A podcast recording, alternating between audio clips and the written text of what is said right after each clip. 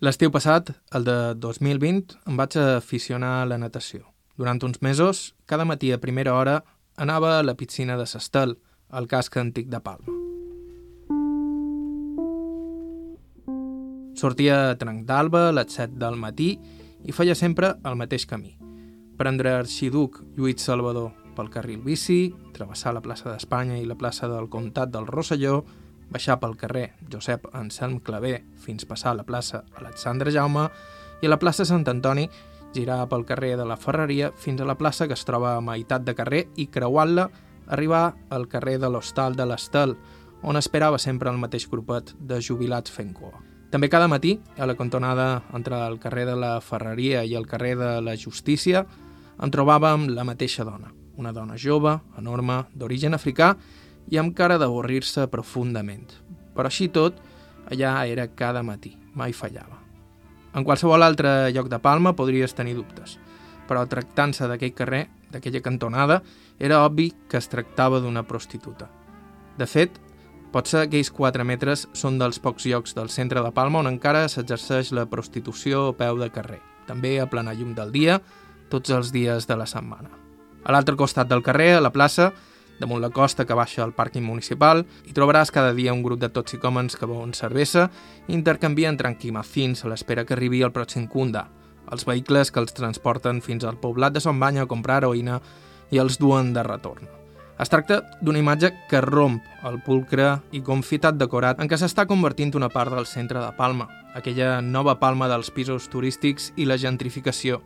Una imatge que contrasta radicalment en l'aire cosmopolita i modern de la plaça de Raimundo Clar, que s'havia convertit, just abans de la pandèmia, en una de les zones de restauració i oci més dinàmiques del casc antic de Palma.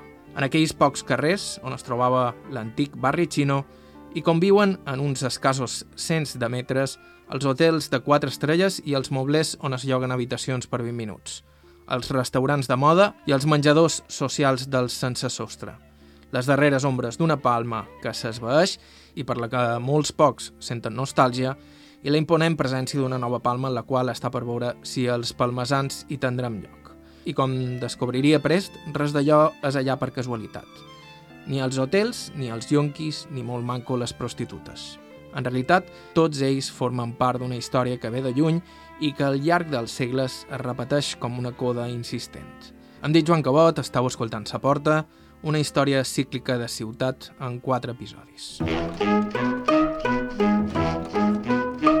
Aquest és l'episodi número 1 i es titula Una porta és un portal.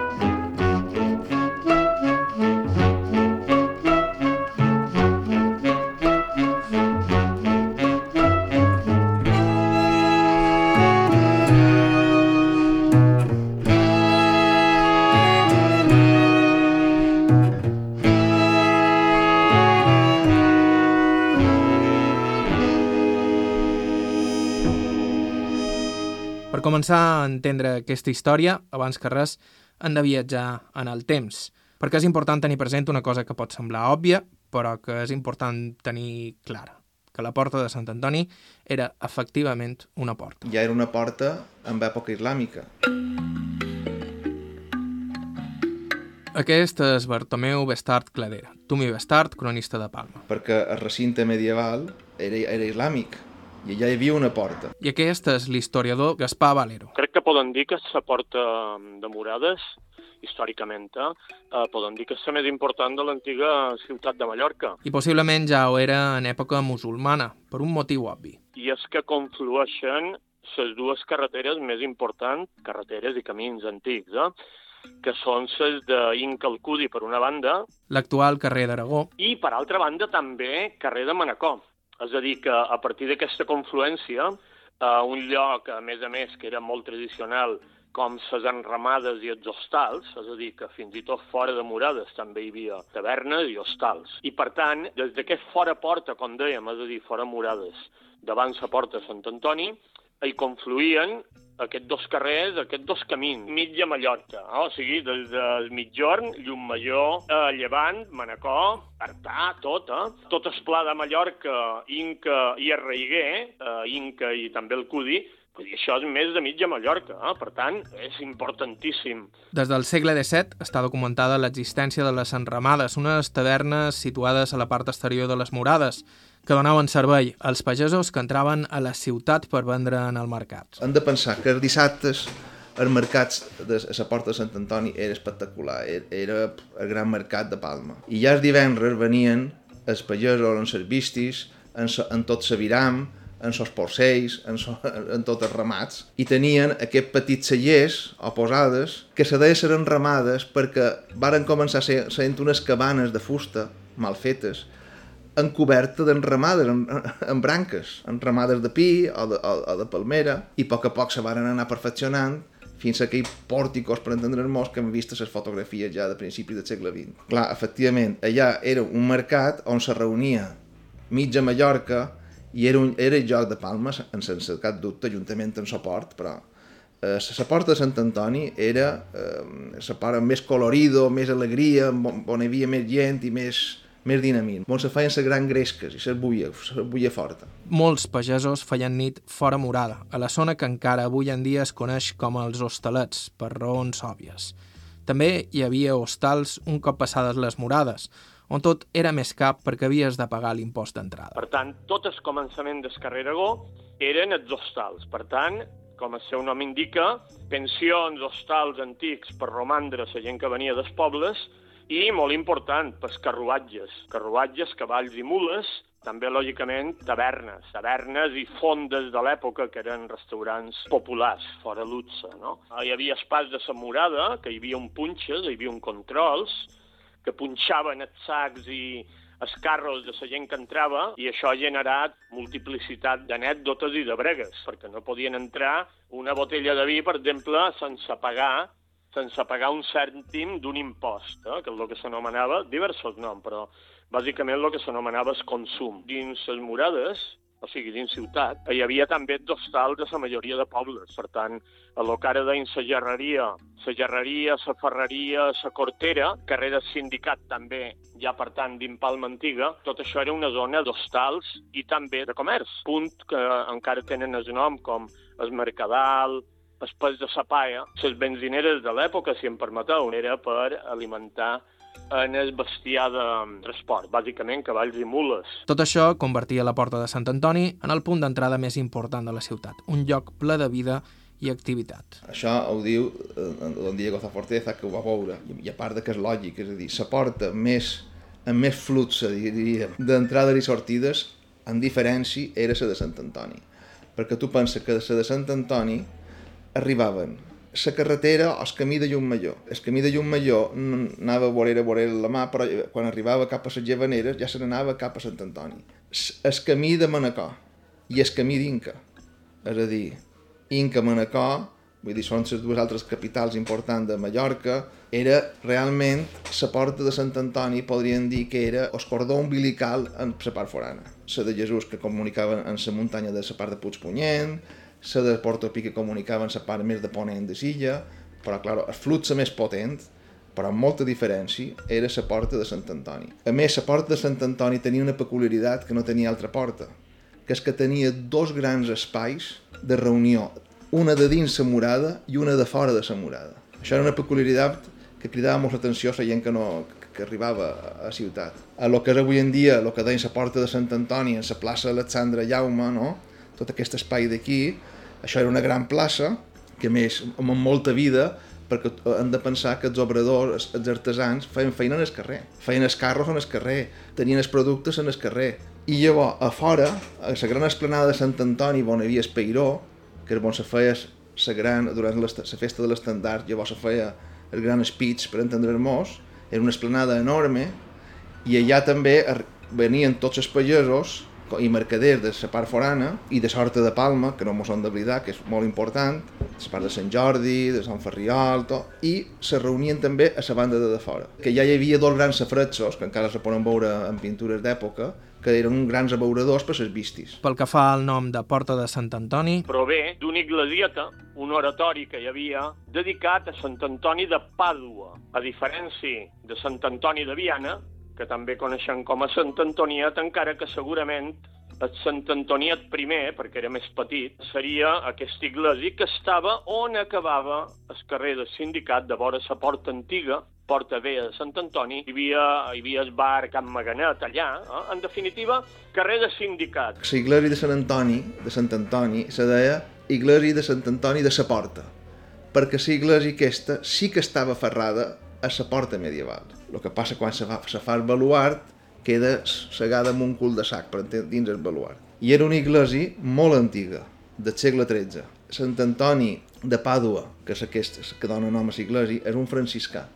Sant Antoni de Viana era Sant Antoni de, de, de, de les festes de Sant Antoni, que era l'ermità, l'asceta que vivia en el desert. No? I aquesta iglesia era des del segle XIII de Sant, Sant Antoni de Viana, però l'edificació era del segle XVII. A les fotos la façana és bastant gòtica, però està tot fet en el segle XVII. Dóna nom, d'immemorial, des del segle XIII, dóna nom a la plaça. L'església de Sant Antoni de sa Porta desapareixeria juntament amb les morades de la ciutat, que no eren una, sinó dues, i eren una presència constant que condicionava per complet la vida en aquell punt de Palma. Dos recintes de morades. El recinte medieval, que prové de la Medina Mallorca, o ciutat de Mallorca musulmana, anterior Jaume I, 1229, la conquesta, i també la murada medieval. Eh? O sigui, per una banda, recinte la Medina Mallorca, que és el mateix que el del rei en Jaume i és medieval, i per altra, recinte de murades renaixentistes que se va treballant des de segle, des de final del segle XVI, 1575, fins 1801. Les portes medievals, en el segle XVI, quan se fan els bastions, en els baluars, se fa una nova murada, com que diuen renaixentista,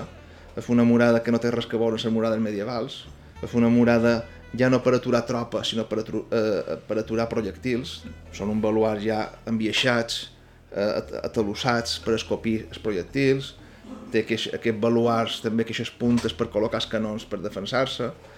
Aquests baluars se col·loquen a on hi havia les portes medievals i queden cegades. Les portes medievals, moltes d'elles, queden cegades per baluars. I entre baluar i baluart s'obrin noves portes. Per tant, una vegada se té en compte que hi ha dues murades, també s'ha de tenir present que hi ha dues portes de Sant Antoni, perquè hi ha una porta de Sant Antoni antiga, que eh, coincidia en la Bab al-Belet dels musulmans. Eh, la porta antiga de Sant Antoni, perquè li poden dir Porta Vea de Sant Antoni, a diferència de la Porta Nova, coincidia exactament en la perllongació o prolongació del carrer del sindicat. O sigui que, si mos remuntam, i això ja és molt antic, eh, a època romana, el carrer del sindicat, en definitiva, era on començava el carrer d'Inca i del Culi. Però això és tan antic que val la pena que ens situem en època musulmana, que el carrer del sindicat deixa de ser un camí fora porta i se converteix en un carrer. Per tant, aquest carrer del sindicat pegava a lo que era la porta de Sant Antoni Vea. Cap a mitjan de 1650, de mitjan del segle XVII, vull dir, aquesta murada medieval i sa porta corresponent se varen tapar i se va construir una altra porta nova. La porta de Sant Antoni, que nosaltres eh, encara hem vist en fotos, encara que poden veure en fotos, i que els nostres avis varen poder veure encara en directe, era la porta, diguéssim, de, ja d'època moderna, del segle XVI i XVII. Dins tot aquest dinamisme, una època molt important era a partir de Sant Tomàs fins a Nadal, que era la festa que on havia els endiots. A partir del dia de Sant Tomàs se començaven a vendre endiots, que era un, era un aliment molt important per Nadal, i ho hem vist en fotos, grans esbars d'endiot de, de, de, de, que se venien, i era una gran alegria, no? I el carrer Sindicat era també, que no estava asfaltat, mos hem d'imaginar el carrer Sindicat sense asfaltar, en, en Sivent, que, que plou, ple de fang, Vull dir, però ple de gent que puja i baixa de, de, de, de comprar viram en el mercat i de comprar animals. I... Era una ciutat que, clar, evidentment, ha desaparegut això totalment. Molts d'aquests elements han perdurat gairebé fins als nostres dies. Un d'ells també són els bordells. Els bordells varen néixer al voltant dels hostals, les enramades i tavernes i suposaven un entreteniment més per als comerciants i pagesos que arribaven d'arreu de Mallorca i tenien doblers per gastar, després d'haver fet negoci. El bordell de Palma des d'època islàmica, pràcticament. Està eh, documentat entre les portes de Sant Antoni i la porta de Santa Margalida. És a dir, dels, dels caputxins, per entendre'ns, en el, en el carrer Sindicat i voltants. No, no només arrel, arran de la murada, sinó també a carrers cap endins. No? El que encara avui en dia deim el barri xino. La llerreria vendria a ser un límit, no? caputxins... La murada era una realitat constant que creava una mica de marginació. Eren zones pobres, humils, per tant, estava aquest prostíbul a lo que és l'església dels caputxins. De fet, una làpida que hi ha damunt el portal dels caputxins diu en llatí prostibulum loci, no? o loci. Per tant, en altre temps hi havia el prostíbul en aquelles zones, carrer d'en Camaró, carrer dels Caputxins, eh, Caputxin diríem és modern, perquè és de 1790, per tant anteriorment hi havia el bordell allà. Hem de pensar una cosa, que urbanísticament aquesta zona, el que és la plaça de l'Olivar, eh, la plaça de Comte de Rosselló, la mateixa porta de Sant Antoni, això ha canviat, morfològicament parlant. Si ara mos poguéssim traslladar en temps eh, gent de la nostra generació i mos posen allà, no sabríem on estar. Perquè jo era, era el lloc de Palma on era, era un laberint. A part d'un traçat islàmic, tot és, tot és traçat islàmic a Palma, el que se conserva antic, però allà especialment era un entremat en carrerons, tenim fotos, no? Ara me penso en el carrer de Bobians, carrers que han desaparegut completament. Ja acompanyava aquest ambient. Posteriorment se va traslladar també aprofitant això que dèiem, de que és un lloc de vinguda de gent de part forana i un lloc molt proper a les zones màximes de circulació, per tant, la prostitució se va anar traslladant, podríem dir, més cap al sud, més cap a la mà, per entendre's molt. O sigui, el que ara la plaça del Rosselló encara, encara coincideix amb aquesta zona dels Caputxins, just darrere, i va anar passant, curiosament, cap a la zona que estan parlant ara, Porta Sant Antoni, carrer de Socors, carrer de la Ferreria i eh, l'antic carrer dels hostals, l'hostal de l'Estel, per exemple, per tant, a la zona que estan parlant ja ara, que és la Porta Sant Antoni.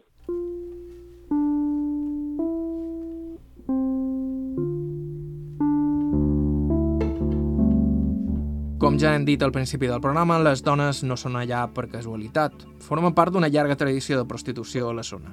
Una tradició que podria remuntar-se a segles. També la pressió urbanística forma part d'aquesta tradició. Hi ha diverses maneres d'explicar la demolició de les murades de Palma i totes elles són vàlides. Hi ha la que parla de raons sanitàries, hi ha la que parla d'una ciutat ofegada urbanísticament i hi ha una tercera versió. D'entrada hem de tenir molt present que aquella era una zona humil, de gent treballadora. Era un lloc de treballadors, o sigui, d'artesans, de gremis, humil, però amb una vida amb una vida d'antic règim al voltant dels gremis, amb les seves alegries i les seves penes, com no. Però, en definitiva, era un lloc eh, bigarrat, viu... Durant segles aquell havia estat el barri dels gremis, així que és també lògic que ja naixessin algunes de les primeres fàbriques de la ciutat. En època ja relativament eh, no vull dir antiga, però fa, fa molt anys ja, eh, aviat farà 200 anys, també aquesta zona és objecte d'edificacions industrials. Per tant, aquesta zona, clarament de, de menestrals, artesania, per tant, no mos estranyi que sigui testimoni d'espàs, d'esteller preindustrial a la fàbrica industrial. La sede de, de vora la plaça nova Raimundo Clar, jutjats nous de la gerreria que ocupen el lloc d'una fàbrica, que era la fàbrica d'en Barceló, que té una casa magnífica a la plaça d'en Quadrado. Per tant, hi havia fàbriques que varen ser, a vegades varen ser tancades perquè, perquè la fàbrica s'havia de traslladar cap a, cap a l'exterior, perquè era una activitat nociva. Això suposa també que comença certa degradació de la zona i de pèrdua de llocs de treball. I que quan s'acaba s'acaba la funció de la fàbrica, queden aquests espais, aquests solars, queden bastant degradats i abandonats. El fumeral de Flassaders també mos indica qualque cosa important del segle XIX. I aquí coincideixen dos fets històrics aparentment inconexos però relacionats. El mateix any, el 1873, s'inaugura la fàbrica Can Ribes a Sort d'Escà, el que ara és la barriada de la Soledat, i s'enderroca el primer segment de les murades, tot i que no va ser fins 1902 que es tomarien definitivament. Fins llavors, Palma gairebé no havia crescut. Palma, el que és ciutat de Mallorca i Palma posteriorment, des d'època de, islàmica no havia crescut més enllà de les murades. De fet, la Palma islàmica, la Medina Mallorca, era una ciutat molt esponjada, amb molt d'os a dins, a dins les murades. L'única part que va créixer fora murada era la banda de la Canta Catalina. que era un barri mariner. A l'altre costat de la ciutat, a la porta de Sant Antoni, però, el que hi havia era de cada cop més mà d'obra que venia dels pobles del voltant per treballar a les fàbriques. La ciutat necessita expandir-se a partir del segle XIX en la migració de, de gent de la part forana cap a ciutat, un procés d'industrialització que tenen totes les ciutats europees de, de, del segle XIX. A la segona meitat del segle XIX hi ha un debat de que Palma ha de créixer. Però Palma té un problema, que és que està totalment emmurallada. I des del punt de vista militar hi ha una llei que diu que no pots construir cap vivenda a un quilòmetre, a mil metres, de la murada. Per això tenim llocs com els hostalets, construïts si fa no fa a un quilòmetre de les antigues murades. que ja sí que var, se varen començar en el voltant de qualque possessió a crear llogarets. Però just Palma créixer morfològicament com una ciutat tenia aquest problema legal.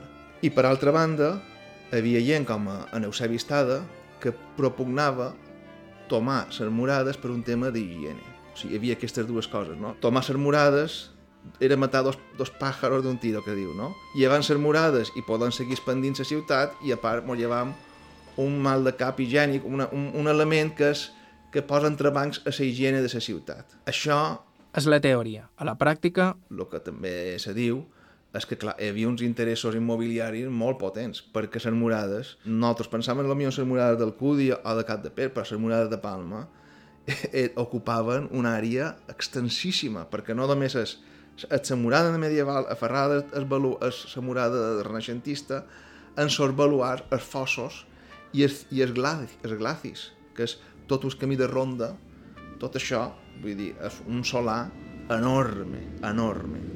Hi ha un petit detall que fomenta aquestes sospites, que l'únic punt on no es varen tomar les murades fos precisament aquell que donava un terreny no edificable, la mà. Era un poquet de tot, vull dir, sí que hi havia, hi havia gent que pensava, com Eusebi Estada, sincerament, com a enginyer, pensava que convenia llevar-les perquè la ciutat respiraria millor.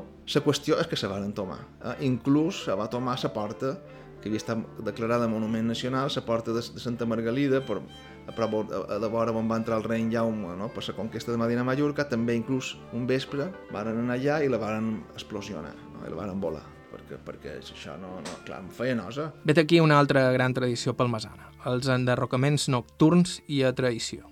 I encara una altra tradició ciutadana, no escoltar els conservacionistes. En aquells moments, que és el que ens interessa, en aquells moments, independentment de que efectivament hi havia interessos immobiliaris claríssims d'especulació, molta de gent, o sigui, no va haver grans protestes. Llevat dels quatre lletraferits de l'arqueològica i de la Comissió de Monumentos, que tenia molta raó i que tenia una visió actual de lo que és el patrimoni, llevat d'aquests quatre no se'ls llevava, no, la gent deia, bueno, no, tampoc els hi sabia greu, no? En, és una tradició també d'aquesta terra no escoltar en en els intel·lectuals i en els lletraferits, és una tradició i així també mos ha anat.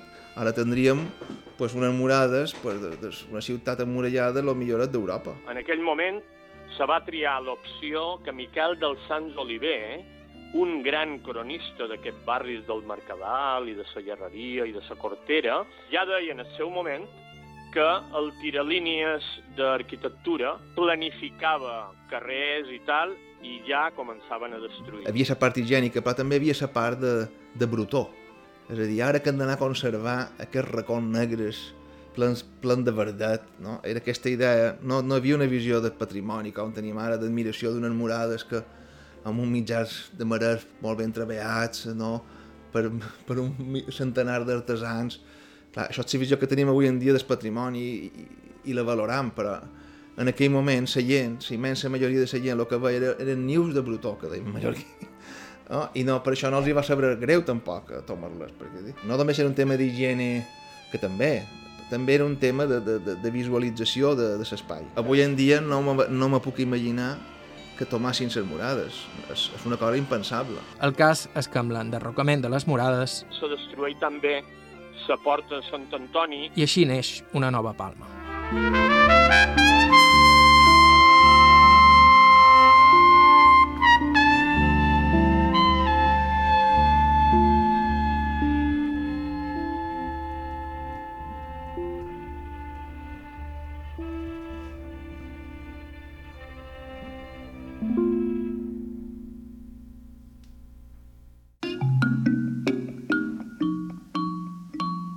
Després de l'esbocament de les morades al 1902, començarien una sèrie de reformes importantíssimes que canviarien la fesomia de la ciutat. La majoria sorgides del Pla Calvet i del Pla Lomà. Per citar-ne algunes, la construcció de la plaça d'Espanya o de les avingudes d'Antoni Maura i de Jaume III. En el Pla Lomà hi havia planificada una altra avinguda, que seguia el traçat de l'actual carrer del Sindicat, però que mai es va dur a terme. Sí que es va realitzar un tipus d'intervenció que podria recordar el que 50 anys més tard es duria a terme a la gerreria, quan es varen buidar tots els voltants del convent dels Caputxins per construir el Mercat de l'Oliva. Totes aquestes reformes tingueren els seus efectes immediats en forma de moviments de població. La gent que s'ho podia permetre abandonava el casc i es comprava un pis a l'Eixample, on hi havia cases més modernes i amples. I a la vegada, amb el pla Alomà, moltes propietats al voltant del sindicat havien caigut en mans d'especuladors que esperaven fer calaix amb les expropiacions i que un cop descartada la reforma es van trobar amb les escriptures d'uns pisos vells i degradats que no volien per res pisos barats i estrets, sense aigua ni corrent, uns pisos que només valien per a pobres, gitanos i putes. Acabava de néixer al barri xino de Palma.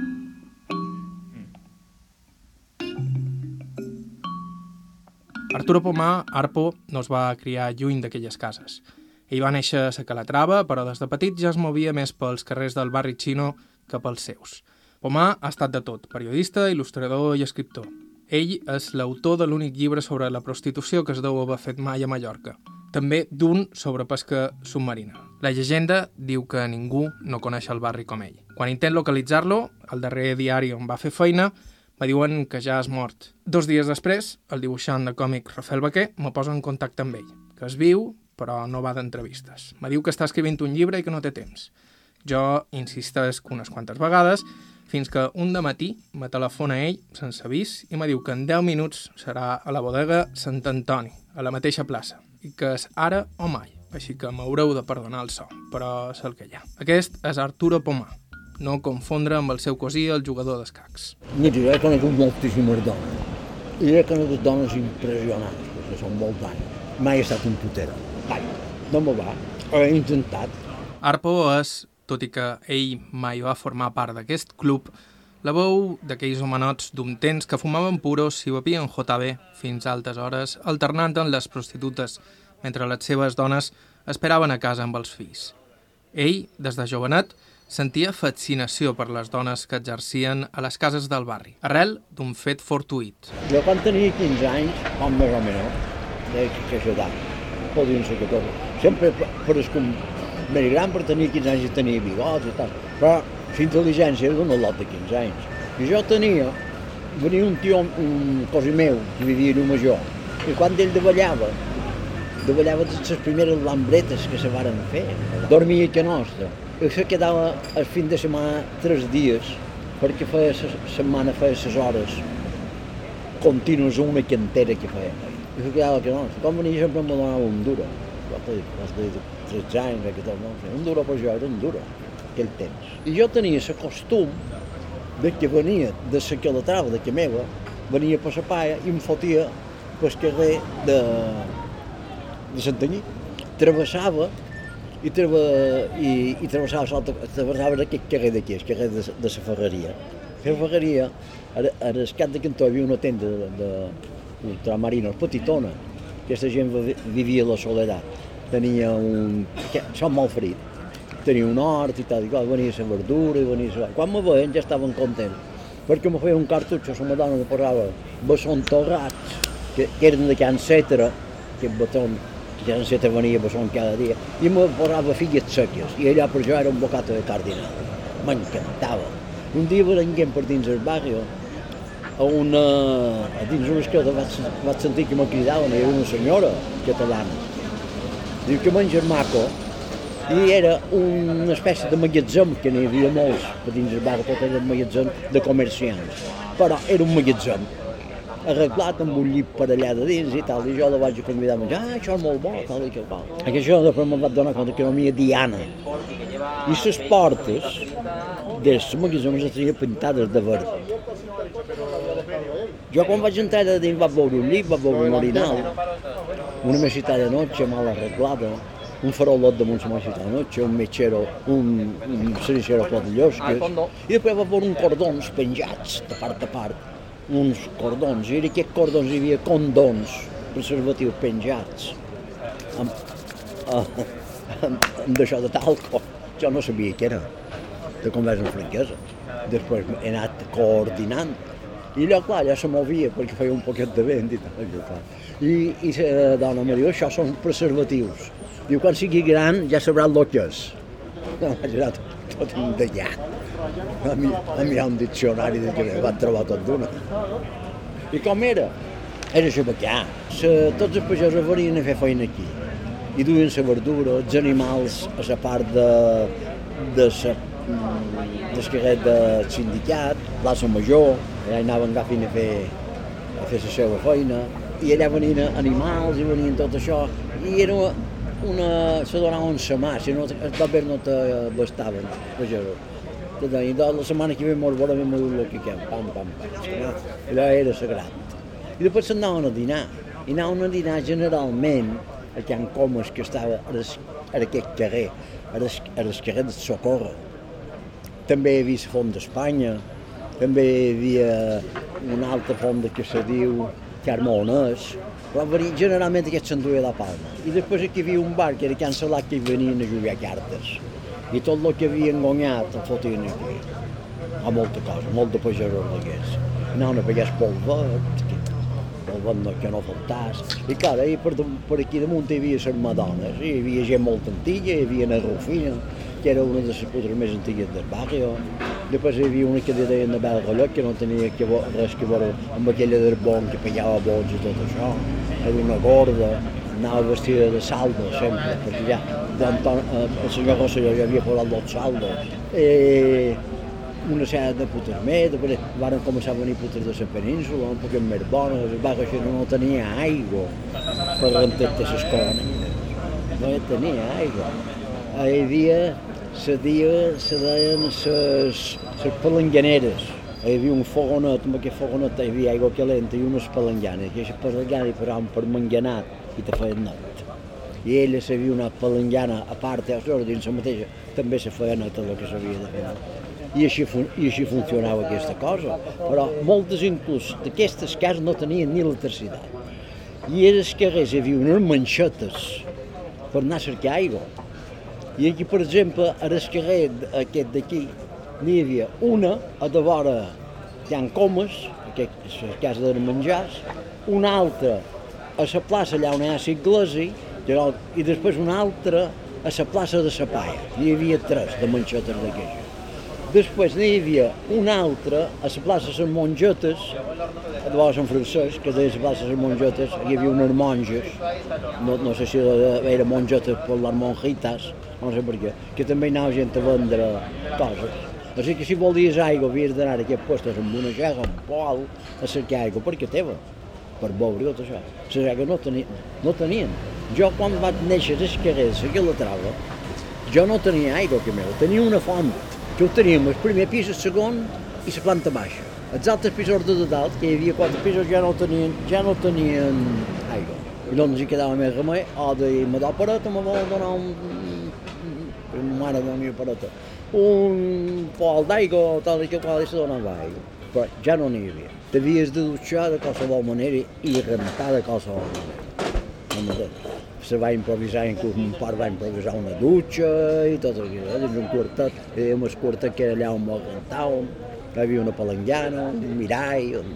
totes aquestes coses. I, i, i així anàvem passant.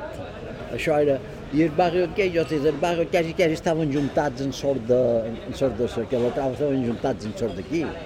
Perquè jo quasi, quasi he tingut més amics aquí que no dins que la trava. Ens hem de posar en context. Aquells eren els anys del franquisme, no hi havia res ni remotament semblant a l'educació sexual i anar de putes era una cosa bastant habitual, fins i tot un poc folclòrica. Era molt habitual, anar de putes. Anar a sopar i anar de putes. Anar a Can Meca, a Can Comes, i anar de putes. Hasta hi havia pares que duien els fills, antes de que es Però mon pare, què pot et sagrades, ven, ven jo. Anem Mercedes aquest, anem dubtes per amunt. I després quan davallaven, què, com t'ha anat? Però sembla que no és coronada, és veritat. Nosaltres, els al·lots, quan era al·lot, jugàvem amb un equip de futbol, sempre m'agrada molt el futbol, jo sé, som del Mallorca matar. Som una persona que ara va perdre el Mallorca, quan de casa va plorar Tudela. Bé, però això és una altra història. Però jo sempre he jugat a futbol, hi havia un equip que es deia l'Huracan, i jo jugava amb l'Huracan, però eh, eh, me feien sortir a bocinets. I quan acabàvem els, quan acabaven els partits, mos ficàvem per dins el barri, l'os, i pujàvem amb una dona, tot l'equip, i estàvem tots a dins una, a dins una drets i segons de a feina. Però creuries que era aquesta dona de vegades, li deien la Rufina, era molt, molt, molt antiga, una dona molt antiga. Vivia un primer pis i, i hasta havien arribat a fotre cadires pel balcó i solla de l'aigua, tot era un cachondeo, no, no fotien res. I, i què? I no s'enfadava, i aquests al·lots i tal, i mallorquina, era mallorquina, tenia un al·lot que no havia, era coixot, i jugaven nosaltres a futbol i tal, i corria més que tot nosaltres. Llavors, i era el seu fill, i, i nosaltres jugàvem aquí, amb en Gaspar d'Esforn, que amb en Gaspar, el cosi seu, eh, l'Arita, tots eren, tots vivien per aquí. Entens? Però entraves dins el barri eh, i podies, podies anar ben tranquil i ben, ben, ben, ben, ben eh, no passava res. Quan, I la policia voltaven les guàrdies davant i quan veien això les dones, tot ho deien, tot ho tancaven les portes i, En aquells temps, la policia primer pegava troncada i després demanava. i després dins els cotxes ja te començava a fer un hàbil interrogatori.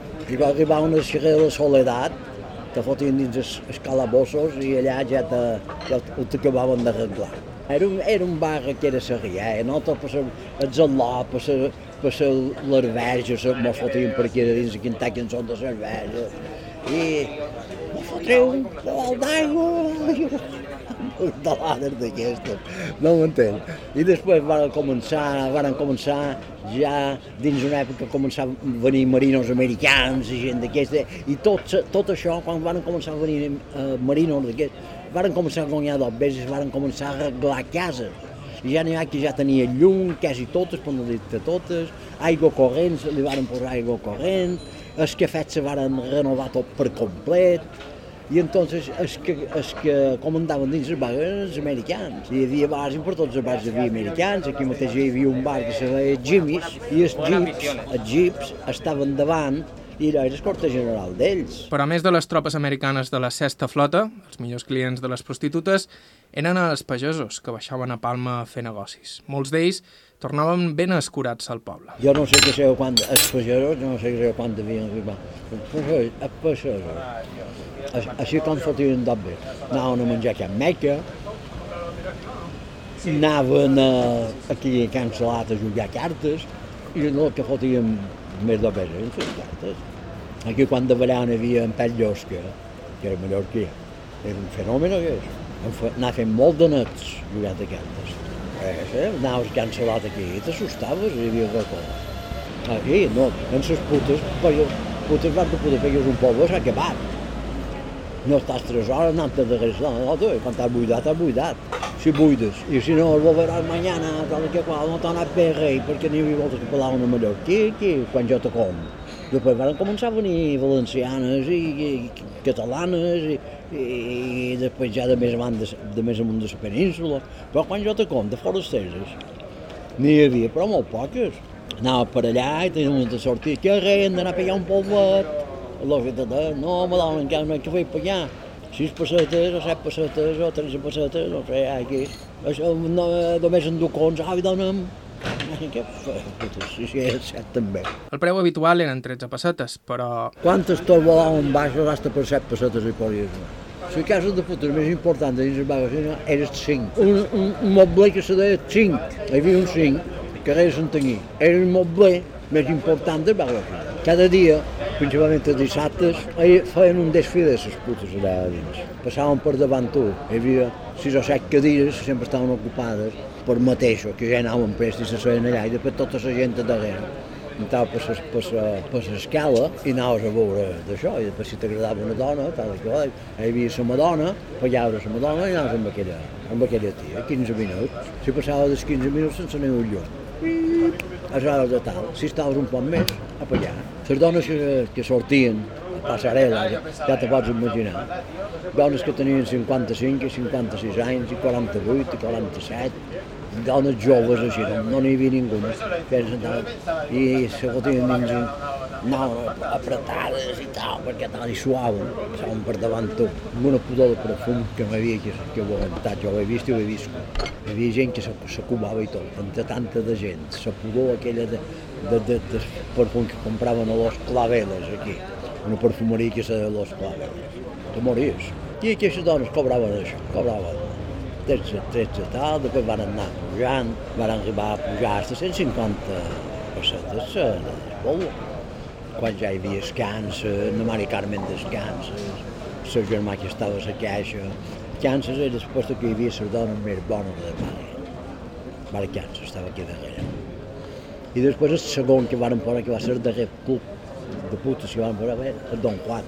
El Don Juan també hi havia dones molt maques, petites Don Juan, però hi havia cinc o sis dones de dins que eren una, una filigrana, joves i bones. I els altres eren ja bar normals, hi havia dones que, que eren putes i a lo millor estaven segurs un d'això, a veure, Mercedes, que, que puedo lavar los platos, te ayudaré i tal, i una cosa així. També hi havia sales de festa com la famosa Casa Vallès. Bueno, aquí a Vallès hi anaven les putes quan que havien acabat de fer feina, com més o menys el vespre, l'una i mitja, això anaven a Can Vallès, veus si podien fer quatre coses més.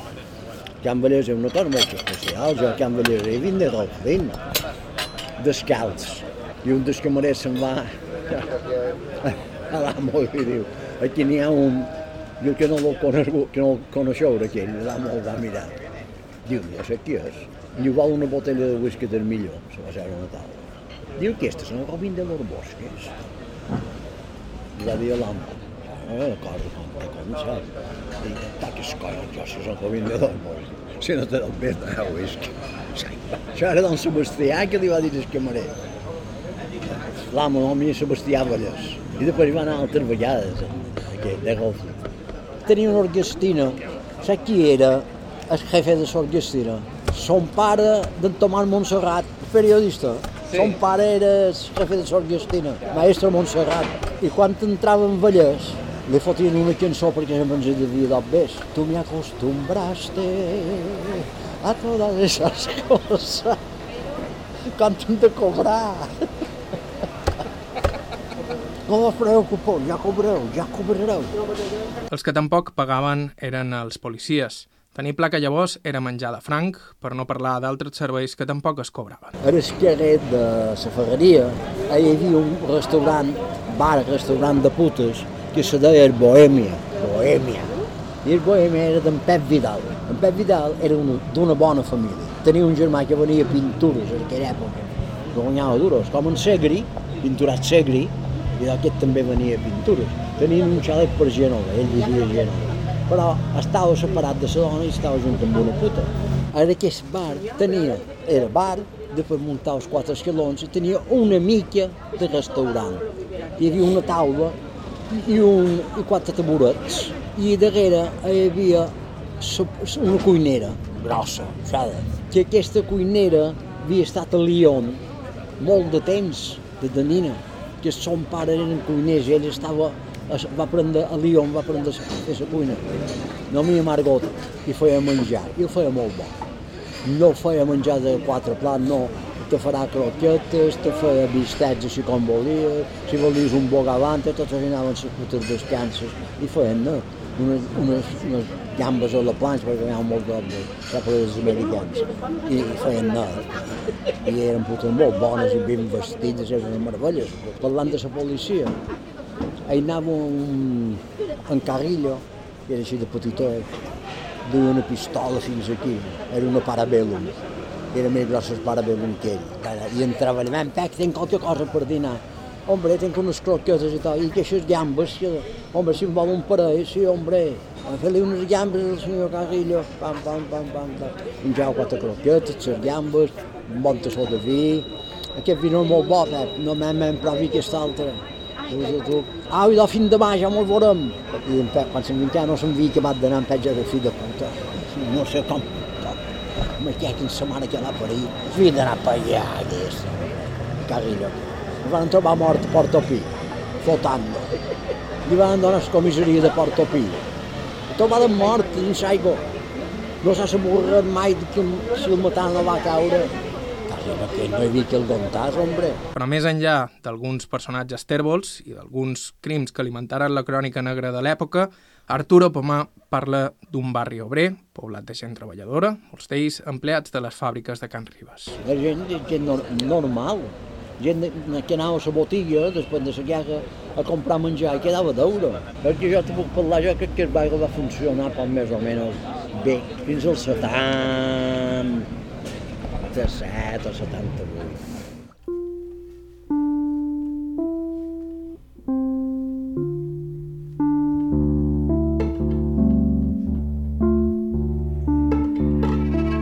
Va ser més o manco en aquella època que va arribar a Palma Naema.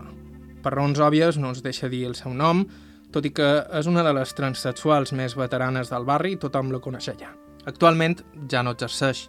M'explica que només té un parell de clients habituals de tota la vida, però que amb l'aparició del Covid va decidir retirar-se. Quan va arribar a Mallorca, en els temps de Franco, ya ho va fer com a dona. Yo me vine a trabajar a los hoteles y después pues conocí a una amiga y me dijo que casi en el hotel quitando tanta mierda y todo esto, que ella trabajaba aquí en el barrio, se trabajaba muy bien. De esto hace como unos 35 años.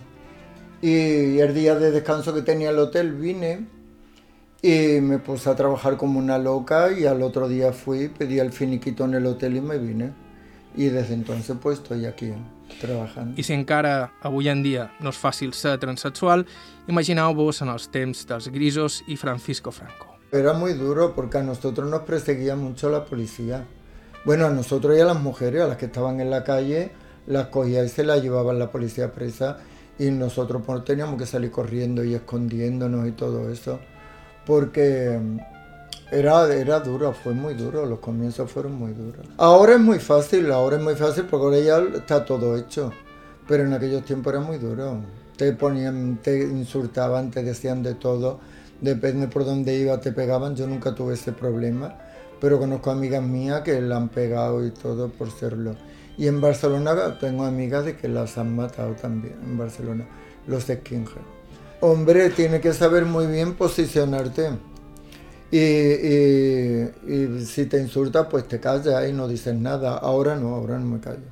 Pero antes sí te callaba y seguía porque si no se volvían. Y, y como esto era, que aunque estábamos aquí en el barrio, estábamos muy, muy arropada con la gente del barrio, nos querían muchísimo.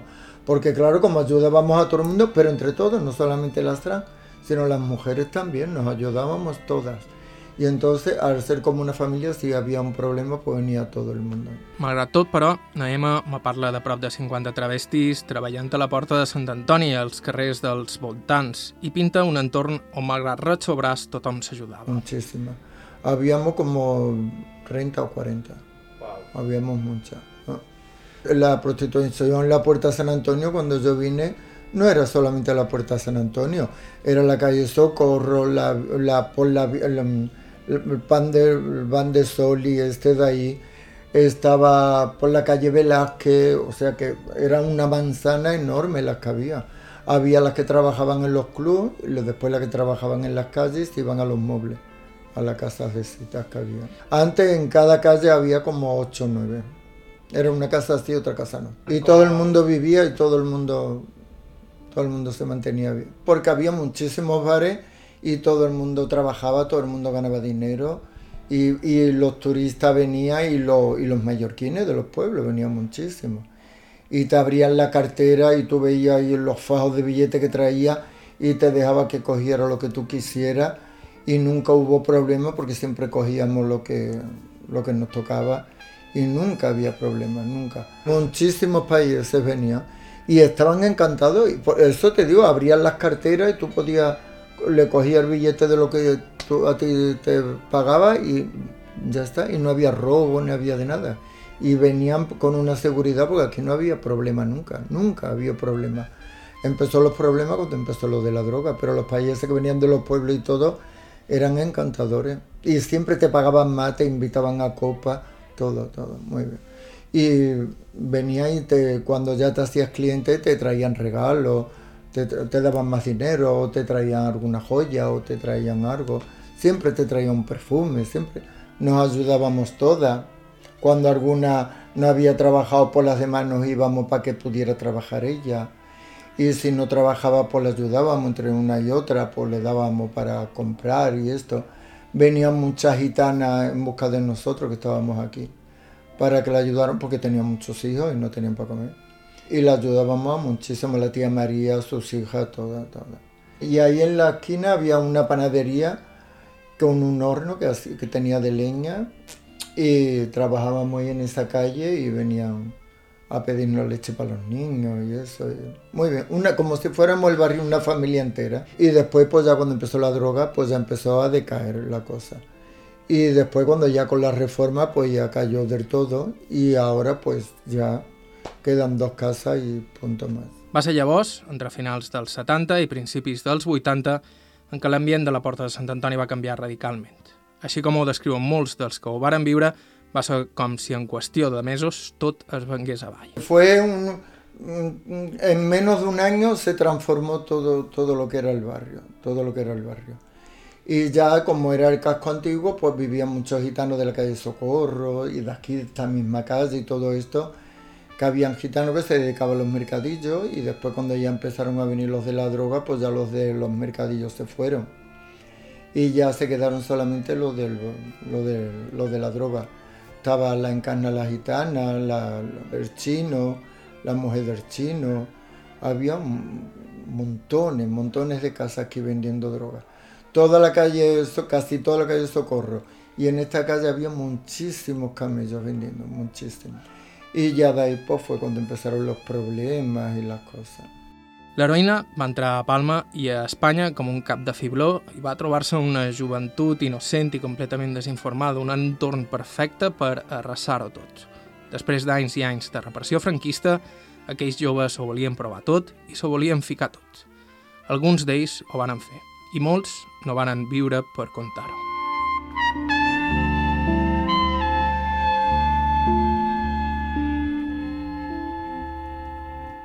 La setmana que ve, a sa porta, els anys de l'heroïna al barri xino de Palma.